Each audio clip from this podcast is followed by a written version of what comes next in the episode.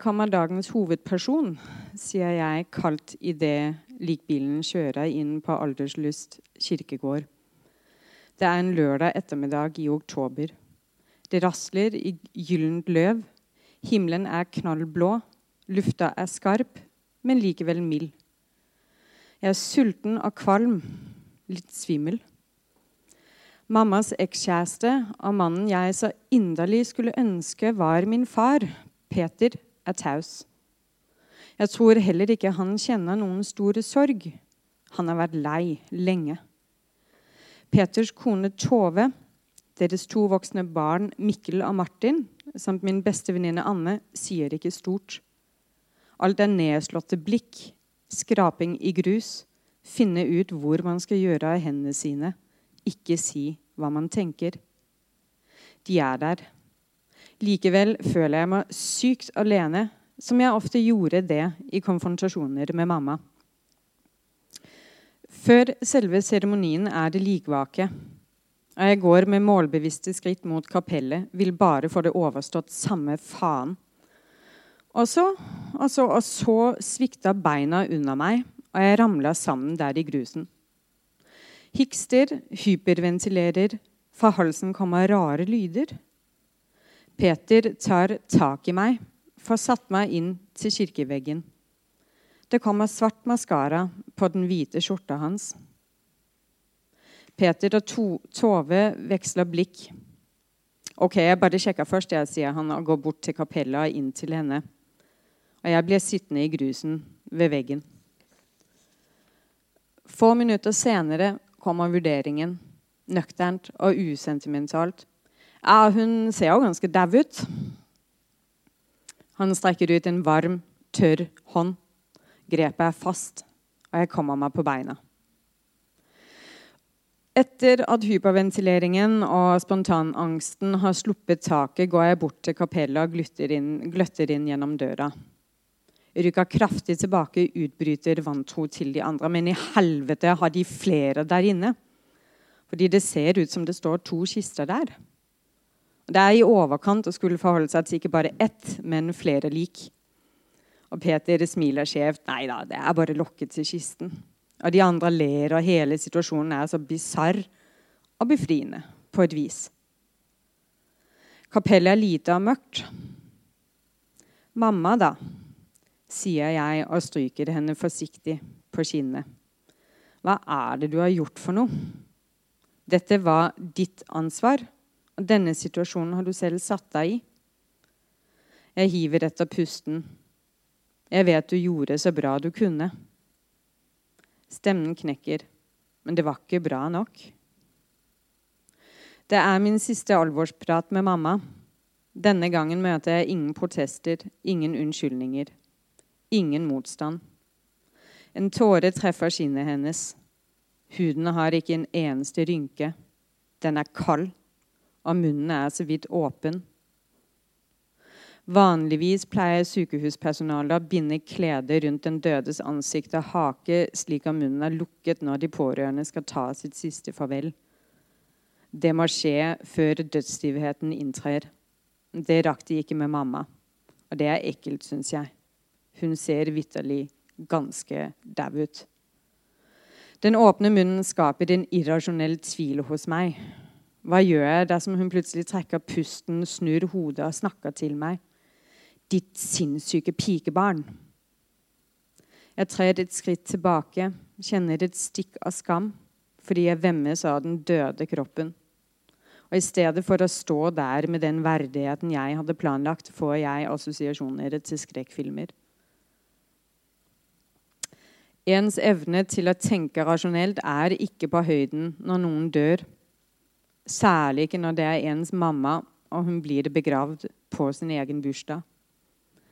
Det er lørdag den 27. oktober 2007, og jeg har ingen varme følelser igjen for henne. Frem til fem minutter før jeg går inn i kapellet, har jeg vært helt nummen.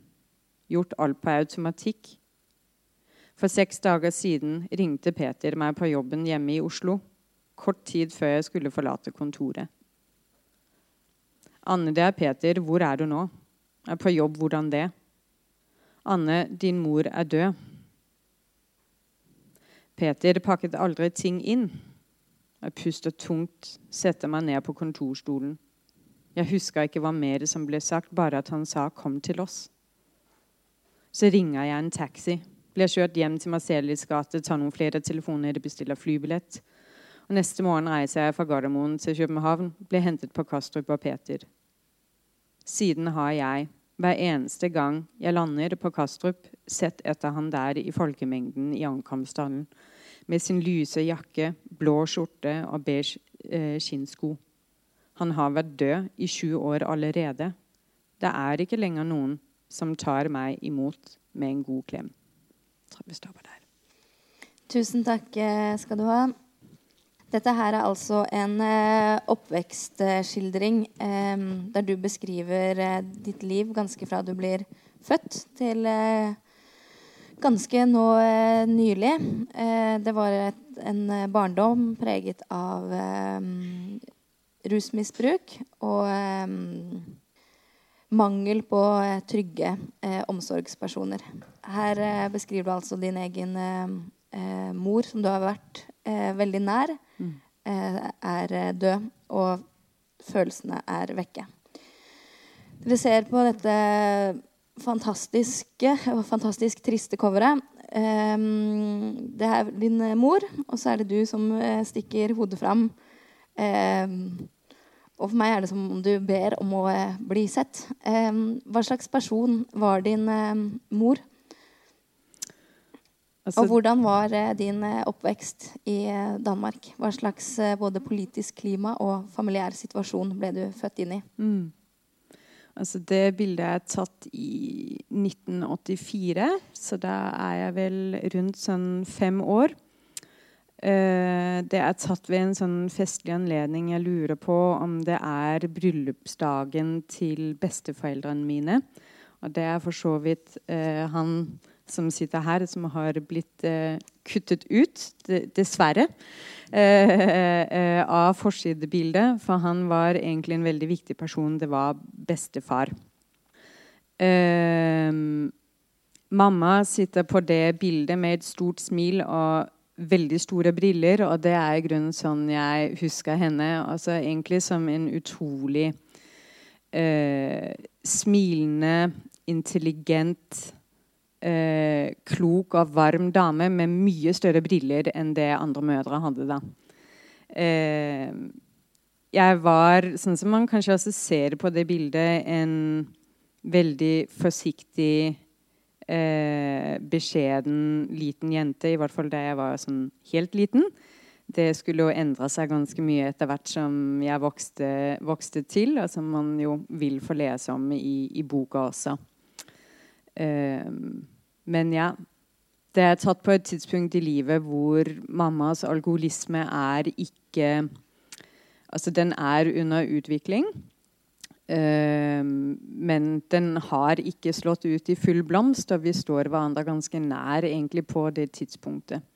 Men mamma var alltid den som var i forgrunnen. Hun tok mye plass, og har av andre blitt beskrevet som en sånn full av fest og farger og, og sånn. Det tok jo Ja, hun tok mye plass, ble vel riktig å si. Mm den familiære situasjonen. Eh, det var jo en eh, eh, Din mor hadde et ambivalent forhold til f.eks. For kjernefamilien. Kan du si noe om det, og si litt om hvordan det var å vokse opp med litt hva skal man si, alternative familieformer? Mm. Ja, du spurte for så vidt litt til det i sted. Hva, hva var opp, oppvok oppvekstmiljøet? Hvordan var den politiske situasjonen? Altså, jeg er født av foreldre som var aktive på ytterste venstrefløy i Danmark. Mamma var en klassisk eh, 68-er. Hun fikk sin studenteksamen som eh, den første i, i, sin familie i 1967.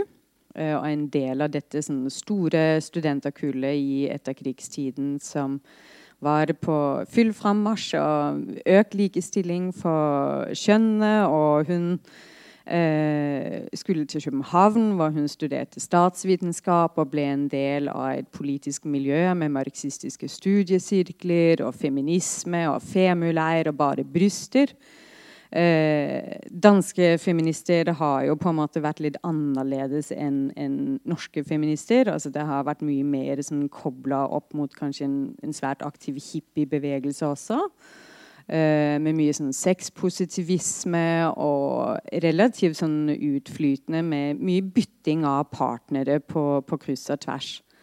Uh, og resultatet var jo at jeg i løpet av, av boka gikk igjennom en, en parallell prosess. Eh, hvor det på et tidspunkt egentlig var ganske uklart hvem som var faren min. hun ble gravid med meg i 1978. Uh, men med en mann som allerede var, var gift uh, i sitt andre ekteskap og han hadde allerede fire barn. Uh, og han, de hadde jo da et åpent forhold, kan man si. da. Altså, så, så, hun var alenemor med meg mine første fem leveår inntil de flyttet sammen. Mm. Du beskriver en um, scene i boka når du finner vel um, notaten, notatene hennes etter hennes død, hvor mm det ble omtalt treenigheten pluss én. Mm. Eh, og da er du denne pluss én, eh, mm. hvor treenigheten er din mor og to, to kjærester. Mm. Hvordan var det også eh, Hvordan var det også å lese eh, noe sånt? Var det, sånn du, du føl, var det sånn du føltes også å være, være pluss pluss én? Ja, jeg, jeg, jeg, var jo nok på mange måter pluss én, men jeg må jo liksom si Det der overraska ikke meg noe, noe, i det hele tatt. Jeg måtte nesten humre, liksom. For jeg syns jo Altså, jeg har Jeg fant jo Det er verdt å si at den boka her hadde jo aldri vært mulig å skrive hadde det ikke vært for at mamma hadde etterlatt seg hundrevis av brev, masse bilder, eh, utskrifter av legejournaler, psykologerklæringer, korrespondanse med det offentlige, eh, brev også som er fra andre steder i familien. All hennes og min korrespondanse. Så hun har jo på en måte vært, vært en, en, en, samler. Eh, og Hadde det ikke vært for at hun hadde dokumentert sin egen historie så grundig, så kunne jo heller ikke jeg ha funnet ut av hvem, hvem jeg var. Eh, så det var ikke noen Jeg visste jo godt at mamma hadde hatt et, eh, et, et temmelig utsvevende sexliv. Eh, jeg visste godt at hun har hatt mange partnere. Sånn så Da jeg fant dette altså det, det, var jo på et, et, brev hun hadde fått fra en elsker, som hun jo liksom hadde parallelt med pappa. De hadde sitt åpne forhold, og denne elskeren skriver i det vide og brede om at ja, men kunne hun liksom sett for seg at, at de kunne eh, få et godt liv sammen, men han var litt sånn forvirra med liksom å være en mann nummer to, og så var det meg. og Han liksom tegnet en sånn modell med mamma i midten, og så var det han da som het Hans, og så var det pappa. Og så var jeg her, da. Og så var det sånn stiplede linjer og litt sånn av, av hvor det liksom jeg, det, det, var liksom mine voksenrelasjoner, da. Massevis av stiplede linjer. Eh, mens den mannlige liksom, omsorgsfiguren jeg egentlig hadde hatt på det tidspunktet, som var mammas ekskjæreste, altså Peter, som, som jeg skriver om helt i begynnelsen, han inngikk egentlig ikke i den modellen, selv om han hadde tatt en, en fars rolle for meg. Så mamma Jo, jo, hun var en, en fargerik eh, og, en, og, en, flott dame liksom, på mange måter, som hadde draget liksom, på, på mannfolka, men det var jo slitsomt å, å, å være et barn oppi i det der. Det blir vel riktig å si det. Du var inne på det at det finnes eh, mye dokumentasjon. Og når du reiste til eh, Danmark for å gjøre opp dødsboet etter henne, så kom du tilbake til Norge med det du omtaler som en problemkasse. Hvor nettopp alle disse brevene og dagbøkene og eh, beretningene ligger. Og du har flytta rundt, og du har alltid dratt med deg denne problemkassa og stuene i loft og kjeller og boder. Og når var det du liksom bestemte deg for å gå denne kassa i møte? Og eh, når var det du tenkte at dette kan, og for ikke si når, at dette her må, eh, bli, en, eh, må bli en bok. Hvordan var denne er erkjennelsen? Nei, det er jo noe som på en måte kommer gradvis. Altså, Den kassa har på en måte først vært i ulike kjellere, men så Det er en fysisk pappeske? Det er en fysisk liksom. pappeske altså, hvor jeg, jeg, fant jo alle mulige papirer av til dels ganske sånn sensitiv karakter med liksom psykologerklæringer. Jeg solgte huset hennes som et dødsbo. Og jeg kunne jo ikke la liksom hele hennes forfall ligge igjen altså til til eh, de som skulle overta. Eh, men jeg tenkte på det tidspunktet at jeg kommer til å trenge på et eller annet tidspunkt å vite hvordan det liksom kunne, kunne gå så galt. da. Sånn så jeg bare heiv alt opp i denne pappesken og teipa den igjen. Og så for at jeg ikke skulle forveksle den med kjøkkenutstyr av hennes feministiske litteratur, så skrev jeg liksom med sprittusjen 'problemkasse'. Og så har den liksom blitt blitt dyttet inn i diverse kjellerboder.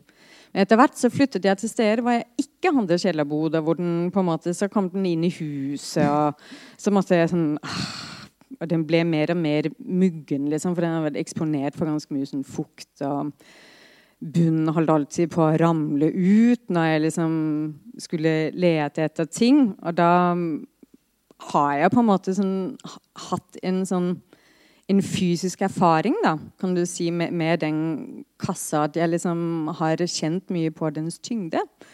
Eh, og papirer kanskje har ramla ut på gulvet, og så blir jeg liksom sittende og sånn, se litt på det. da. Men det kom vel første gang for tre år siden på en, en sommerferie på Kreta, hvor jeg leste eh, en bok av en amerikansk eh, forfatter som heter Joan Didion, som har skrevet helt fantastisk vakre bøker om sorg. Eh, hun har både mistet eh, sin ektefelle og, eh, og, sin datter med relativt kort tidsmellomrom, og, og beskriver liksom en sånn sorg da, som aldri helt slipper taket. Og det vakte en sånn voldsom gjenklang hos meg. At jeg liksom tenkte at at kanskje det er noen prosesser som uansett hvor mye du liksom hiver dem inn i kjellerboder og prøver å tape dem sammen med gaffateip, at de titter frem i, i, i hverdagen uansett. Og det, det, har de jo gjort. Mm. Du prøver jo mange ganger eh, eh, å si fra om eh, rusmisbruket. At det er en del eh, psykisk vold, litt mm. fysisk vold. Eh, du henvender deg til naboer, til barnevern, til eh, lærere. Mm. Men det er aldri noen som riktig eh, tar det på alvor og løfter, løfter det og eh, ser deg. Tenker du at, eh, at du var eh, ekstra eh, uheldig? At det var tilfeldig? Eller er det liksom noe som var symptomatisk? At at det er vanskelig å skulle se noe så ubehagelig. At det er typisk at så mange snudde seg, snudde seg vekk.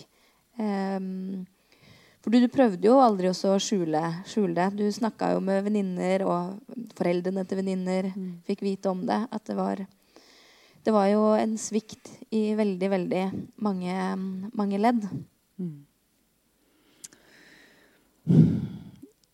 Noe av det det var jo egentlig liksom det jeg satte meg fore da jeg skulle begynne å skrive boka. For jeg har liksom ikke bare villet skrive en lidelseshistorie. Sånn, Hør om min vonde barndom. Jeg har hele tiden hatt en, si, en, en, en, teoretisk og en analytisk ambisjon da jeg satte meg ned og skulle skrive den boka. Hvorfor ikke bare døde mamma som altså hun, hun, endte jo opp som en sånn fyllik liksom, på, på, torget. En, person som en eller annen gang hadde hatt store akademiske ambisjoner og var lynintelligent. intelligent. Hvordan kan et menneske så til de grader går til grunne?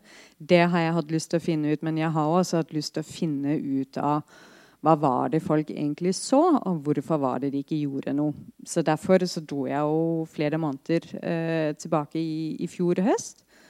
Eh, rundt omkring i hele Danmark til ulike steder vi har bodd. Eh, og har snakket da med alle disse menneskene som befolket vårt liv da, på det tidspunktet.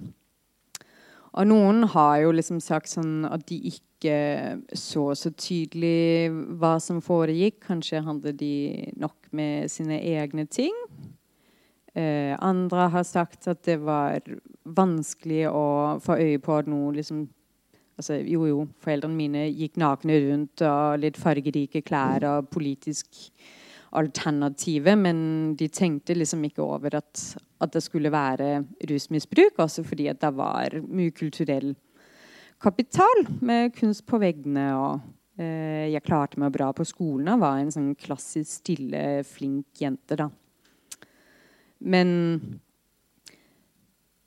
jeg kan jo på en måte Jeg er jo ikke inne i hodene liksom, til, til, de menneskene. Eh, det, det, er på en måte vanskelig å, å på en måte an, angripe det, men jeg opplever jo likevel også at det har vært litt sånn berøringsangst. da.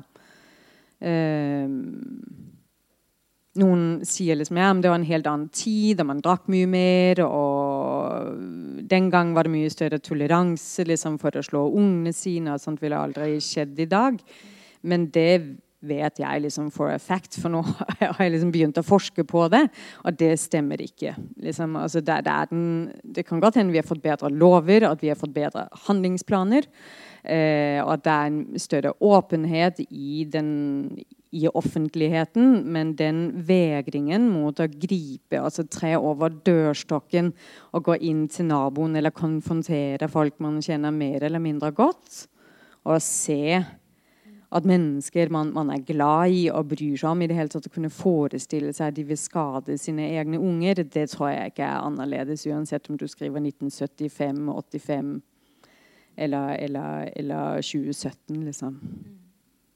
Hvordan eh, reagerte disse eh, menneskene du oppsøkte eh, igjen? Nei, altså tok, alle, tok alle deg imot, eller var det noen som ikke ville ville møte deg eller ville snakke om uh, historien i det hele tatt?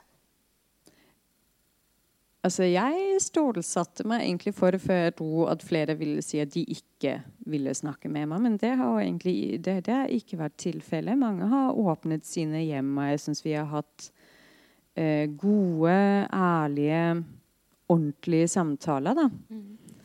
Uh, det har jo vært elementer av konfrontasjon. Uh, det er en grunn til at jeg enda at jeg liksom har forskerbakgrunn, at jeg omtaler dette som samtaler og ikke som intervjuer, fordi det er, det er en helt annen type holdt jeg på å si, materiale som kommer ut av det, når jeg liksom kommer som en voksen kvinne og banker på døra og sier det sånn Jeg har hatt det ganske kjipt, eh, og du kunne kanskje ha, ha, gjort livet annerledes. Hvorfor gjorde du ikke det? Mm jeg har kanskje jeg har ikke åpnet fullt så konfronterende, men det har jo ligget oppe i dagen at, at det har, har, har, vært et element av en søken og av et oppgjør. Mm. Uh, og jeg skjønner jo at for dem så er det ikke bare enkelt å bli stilt til ansvar liksom på, på den måten. Det er ikke så mange som sier uh, unnskyld det er jo så å si ingen, da. Mm. Så det er jo noen som liksom De kan gå med til at det var ille at jeg ble sviktet. De kan anerkjenne ja, her er det et svikt. Men å si at de kunne gjort noe annerledes, eller at de kanskje til og med bidro til, til et, uh, et svikt, sånn som eh, klasselæreren min som jeg eh, henvendte meg direkte til, og som egentlig fikk satt i stand et møte med en saksbehandler på kommunen. Eh, hvorpå mamma ringte og var illsint og truet henne med død og fordervelse. Mm. Eh, og sa jeg skal sørge for at du kommer på forsiden av VG, at du mister jobben din. Og hun var nå utdannet lærer og bare skrinla det. Mm. Og det, og det var en privatskole. Mm. Uh, hvor, uh, hvor, det kanskje altså, sant, har vært et slags økonomisk insentiv til at man kan ikke legge seg for mye ut med, med foreldrene. At hvis, hvis, du gjør det, så risikerer du uh, omdømmetap og skoleinntekter. Og det tenker jeg er et annet element at når det skjer omsorgssvikt i de beste familiene, at går de ungene på en privatskole, så er det, er det kanskje enda vanskeligere for, for skolen til liksom å, å, å, spille en aktiv rolle i å få det til å stoppe. Da. Du spør jo mange om, eh, om hjelp, men eh, det er ikke bare det er ikke bare um, andre du spør. Du spør jo til stadighet eh, moren din og prøver å forklare moren din hvordan du eh, har det. Mm. Jeg tenkte at eh, um, kunne lese litt fra det også. Mm. Hvis du, hvis du liksom leser derfra og til og med brevet ditt, er det mm. ok? Ja. Du kan jo bare innlede, uh, bare sånn at folk skjønner hvor, hva, hva, vi begynner å lese. Mm. Altså, det her er en passasje som beskriver vårt liv på begynnelsen av 90-tallet. Altså, jeg er født i 1978, og mamma og pappa flyttet sammen i 83. Uh, og på dette tidspunktet da har vi da levd sammen i en sånn liten småby i, i Danmark uh, ja, en, en åtte års tid ekteskapet er Eller de er jo selvfølgelig ikke gift, fordi at ekteskapet er en patriarkalsk og borgerlig institusjon. Uh, men, uh, men, uh, men, det samboerskapet skranter, og mamma er fremdeles ikke blitt diagnostisert med bipolar lidelse, som mange av hennes alkoholproblemer kan jo tilskrive selvmedisinering. Uh, det har vært veldig turbulente tider, og hun er drittlei av pappa, for å si det mildt. Det er uh, krigsstemning hjemme hos oss uh, daglig, og jeg flyr frem og tilbake mellom dem og megler og Ja. Det er turbulente tider. Mamma forlot oss andre pinsedag 1991 det var en mandag i mai. Det var ikke planlagt, hun dro bare. På sin svarte og turkise Kildemos-sykkel. Siden det var helligdag og den vanlige butikken hadde stengt, syklet mamma til campingplassen for å kjøpe røyk, sa hun. Det var en mil dit fra oss.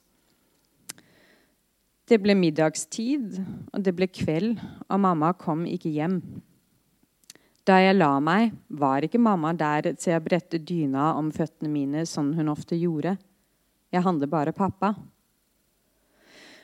Husker jeg feil, eller stemmer det at han den kvelden tok meg på fanget og sa at jeg ikke skulle være redd, at det nok skulle gå? 25 år senere har jeg fremdeles mange spørsmål og ingen svar om den kvelden og dagene som fulgte. Når kom hun hjem? Hva ble sagt? Så vi egentlig noe til henne denne uka? Hvordan var jeg på skolen? Det eneste jeg husker, er at hun en gang, da hun var hjemom for å hente rene klær og toalettsaker, fortalte at hun hadde truffet en mann som bodde på campingplassen. De møttes på grillbaren, som hadde alkoholservering. Han heter Hardy, og jeg er forelska. Noe sånt må hun ha sagt. Alt annet er borte fra min hukommelse. Som jeg husker det, tok ikke pappa initiativ til å få mamma hjem. De hadde sluttet å elske hverandre for lenge siden. Men jeg må ha vært fra meg av bekymring i dagene som fulgte, og jeg bestemte meg for å ordne opp.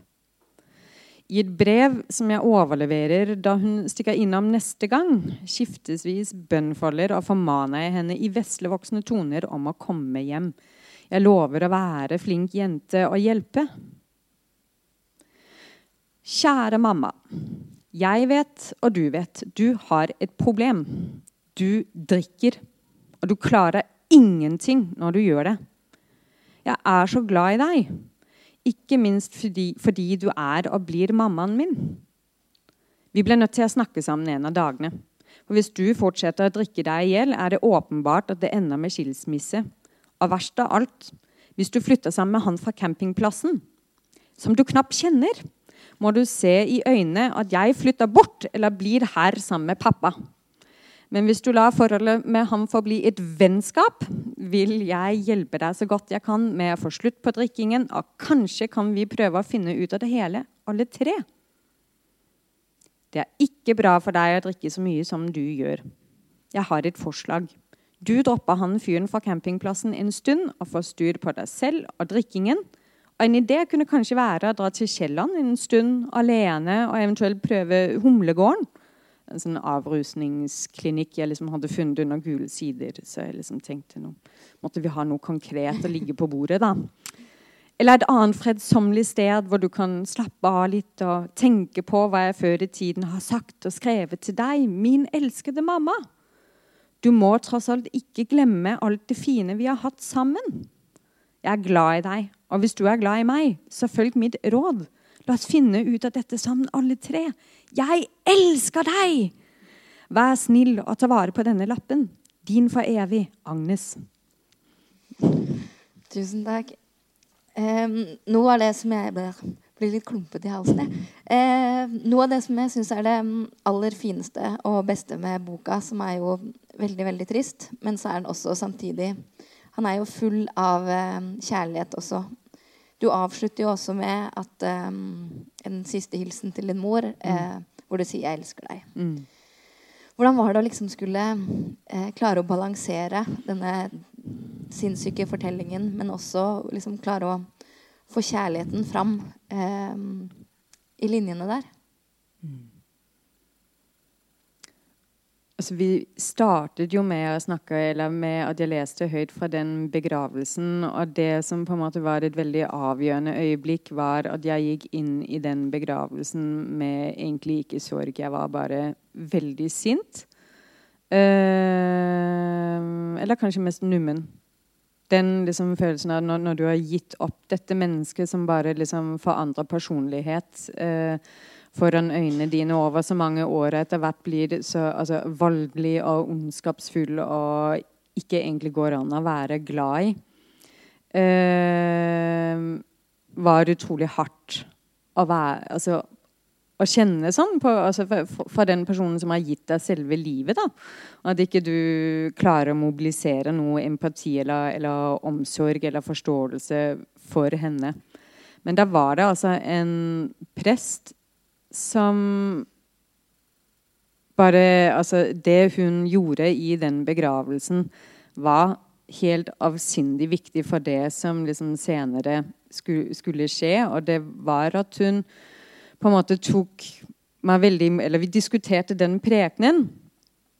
Og jeg tror det liksom var på en måte første gang at en voksen person på en måte greide å romme både mitt perspektiv og mammas perspektiv. Og hun var sånn at hun sa ja, men vi skal ikke stikke unna en stol da, all den skaden hun har gjort mot deg. Men vi må også huske på at hun er her ikke selv til å fortelle hvorfor ting ble som det ble. Vi må fortelle en rettferdig fortelling. Og det gjorde hun i kirken, og det var en fullsatt kirke. Eh, og det ble sagt rett ut at hun eh, hadde vært veldig psykisk syk. At hun hadde drukket seg i hjel, og at hun hadde skadet oss som familie. Eh, og så fortalte hun da også om de andre egenskapene mamma hadde. Og selv om jeg kanskje ikke følte eh, Ikke hadde den rausheten selv, det at det sto et annet menneske, en autoritetsfigur, egentlig i et hellig rom, da, og liksom kunne romme, romme mamma da, som en full og, og, hel person, gjorde det også litt enklere for meg å tenke videre da i den, den tiden som kom.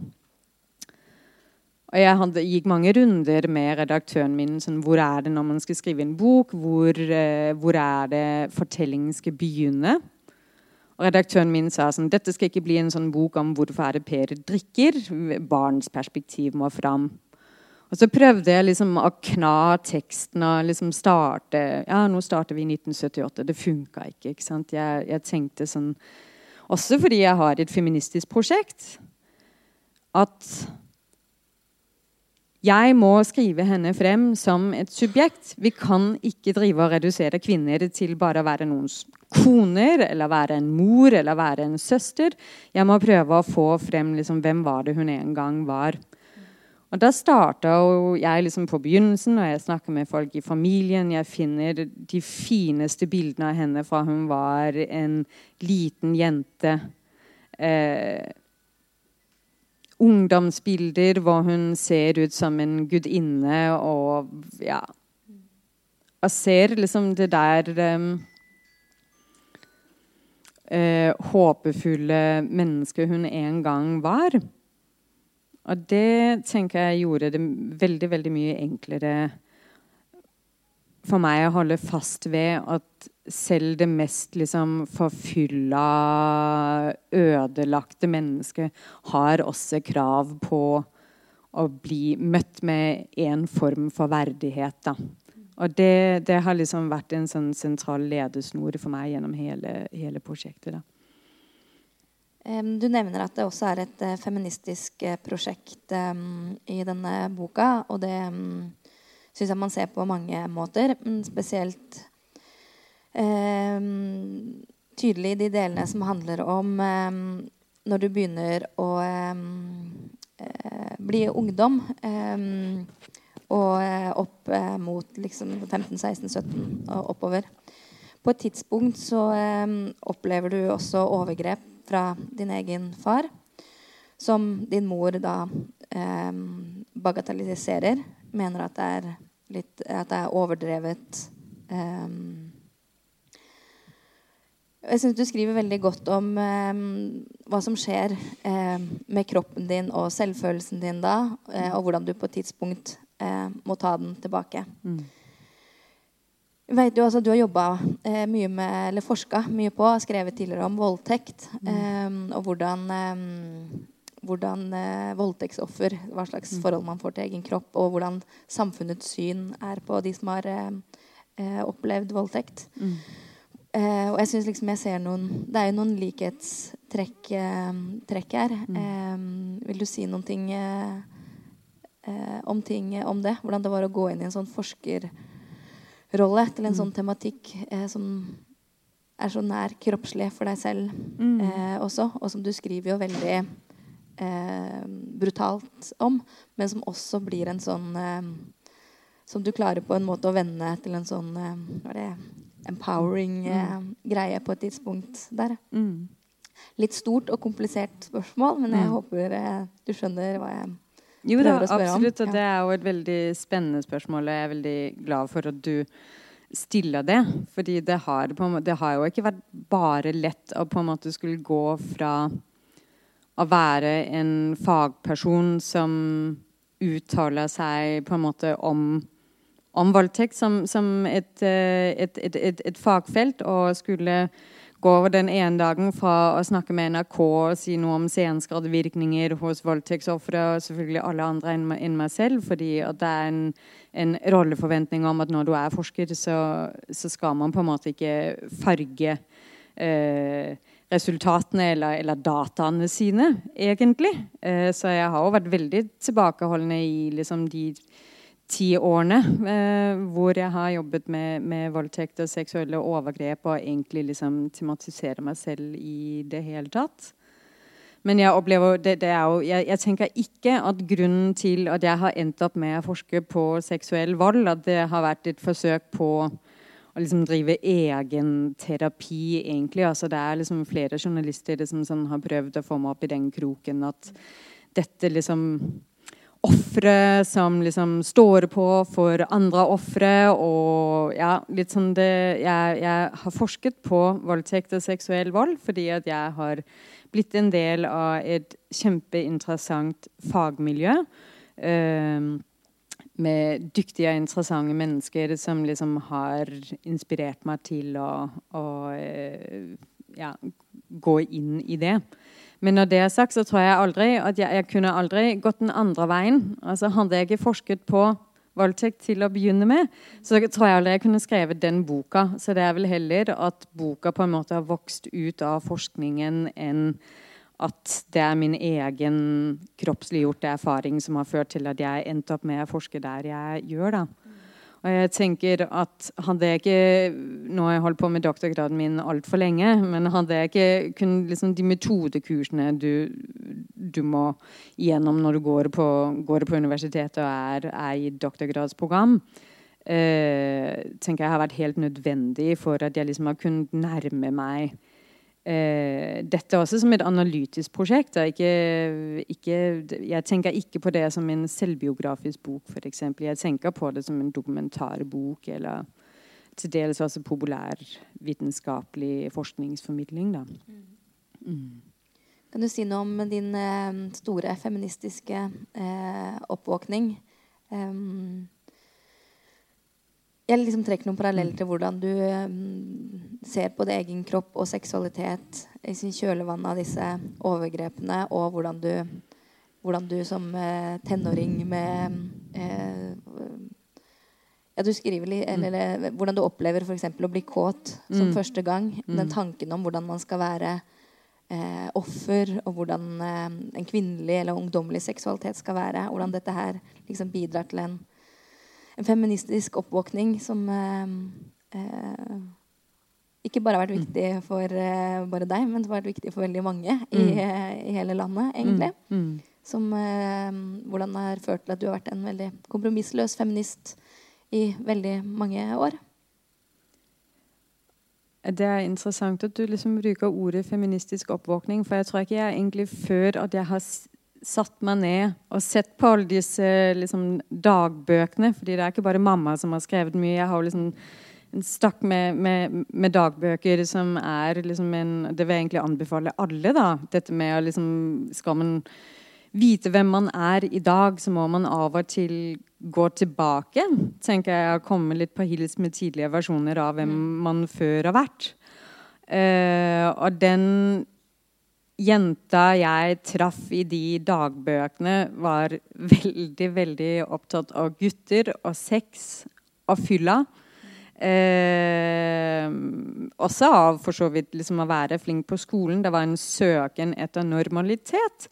Sånn så da jeg ble utsatt for de seksuelle overgrepene fra pappa i sommeren 1992 Min respons var ikke å eh, sitte og gråte i dusjen alene. Jeg fant et sånn lite postkort som jeg, jeg skrev to postkort til mamma denne sommeren. Eh, og, hvor jeg dels liksom klager over at jeg syns at stranda på det stedet vi liksom var, at den var ikke noe særlig fin. Men by the way, kan du huske på torsdag å ta opp Beverly Hills 9210 på VHS? Eh, og det var liksom Det var det jeg var aller, aller mest liksom Det eneste jeg ville, var på en måte å komme ut av det der emosjonelle kaoset som er når din far plutselig blir en helt annen person. Han går fra å være en som eh, lærer deg å sykle og snekre. Eh, som lager hjemmelagt brød og altså, tar det med på skogstur, til plutselig å eh, seksuelt objektivere deg. Og Det var helt sånn kaos, husker jeg, de dagene liksom, som, som, kom etter det. Og da, Alt som fulgte etter det, handlet om normalitet. Jeg ville være som andre ungdommer, og det involverer å gå på fest. Det involverer å få seksuell erfaring. Eh, og, og, liksom ellers bare stå opp og gå på skolen. Eh, og det tenker jeg er ofte en mangel da, i den offentlige debatten om overgrep. At det er i ønsket om at vi vil vise at seksuell vold er noe som rammer mange kvinner. Du har senskader kanskje langt opp i voksenlivet. Eh, man kan få store problemer med å inngå i tillitsfulle seksuelle relasjoner. Men jeg tenker også at det er ikke gitt at du er ødelagt for livet. Det fins ikke én sånn mal for at har du vært utsatt for dette, at, at, så er det den veien det går.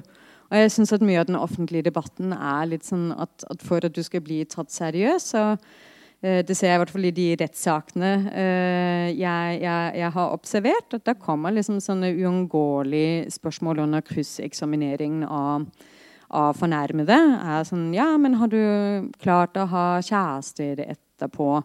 Eh, hvilken type mor har du klart? Hvordan har dette påvirket dine omsorgsevner? Eh, og de go gode ofrene er de som har vært sykemeldt kjempelenge. Eh, de som ikke har klart å kunne gå på fest eller eh, eh, ha kjærester etterpå.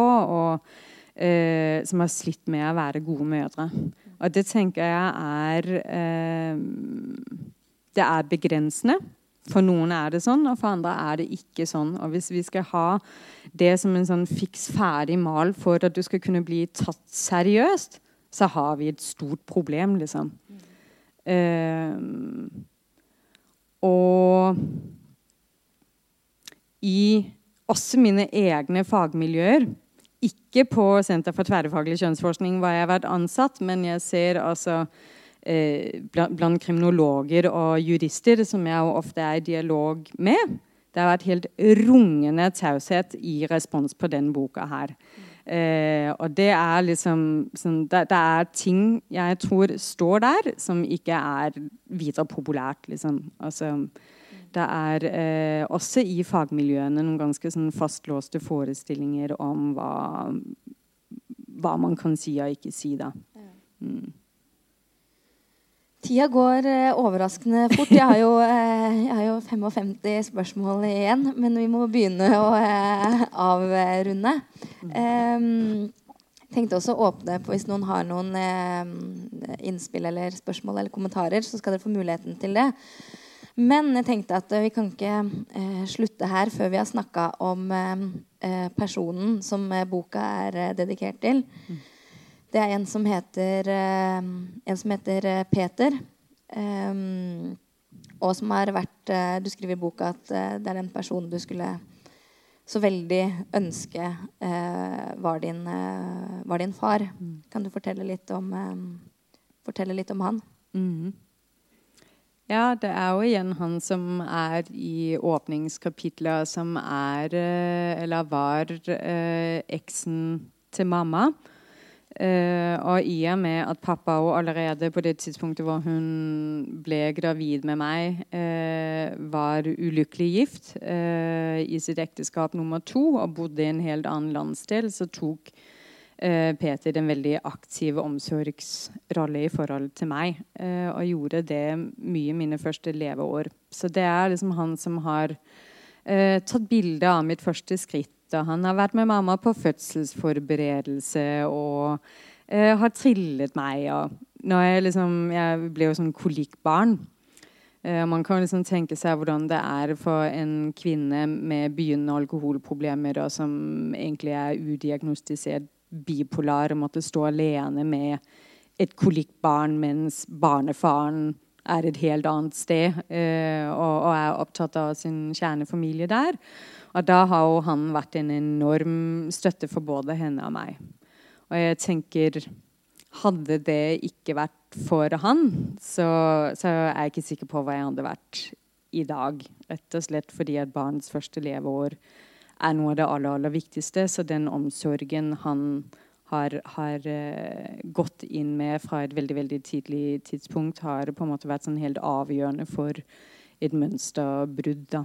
Mm. Mm. Et lite, lite avsnitt uh, uh, vi skal lese. Og så kan dere jo tegne dere hvis dere har lyst til å si noe mens Anne leser. Mm, ja. Jeg bør forresten si han har bursdag i dag, så det er så spesielt å sitte her. Han ville blitt eh, 70 år. Eh, så er, jeg, jeg, føler at det er ganske sånn, fint å få lov å avrunde med å, å si noen ord om han, da.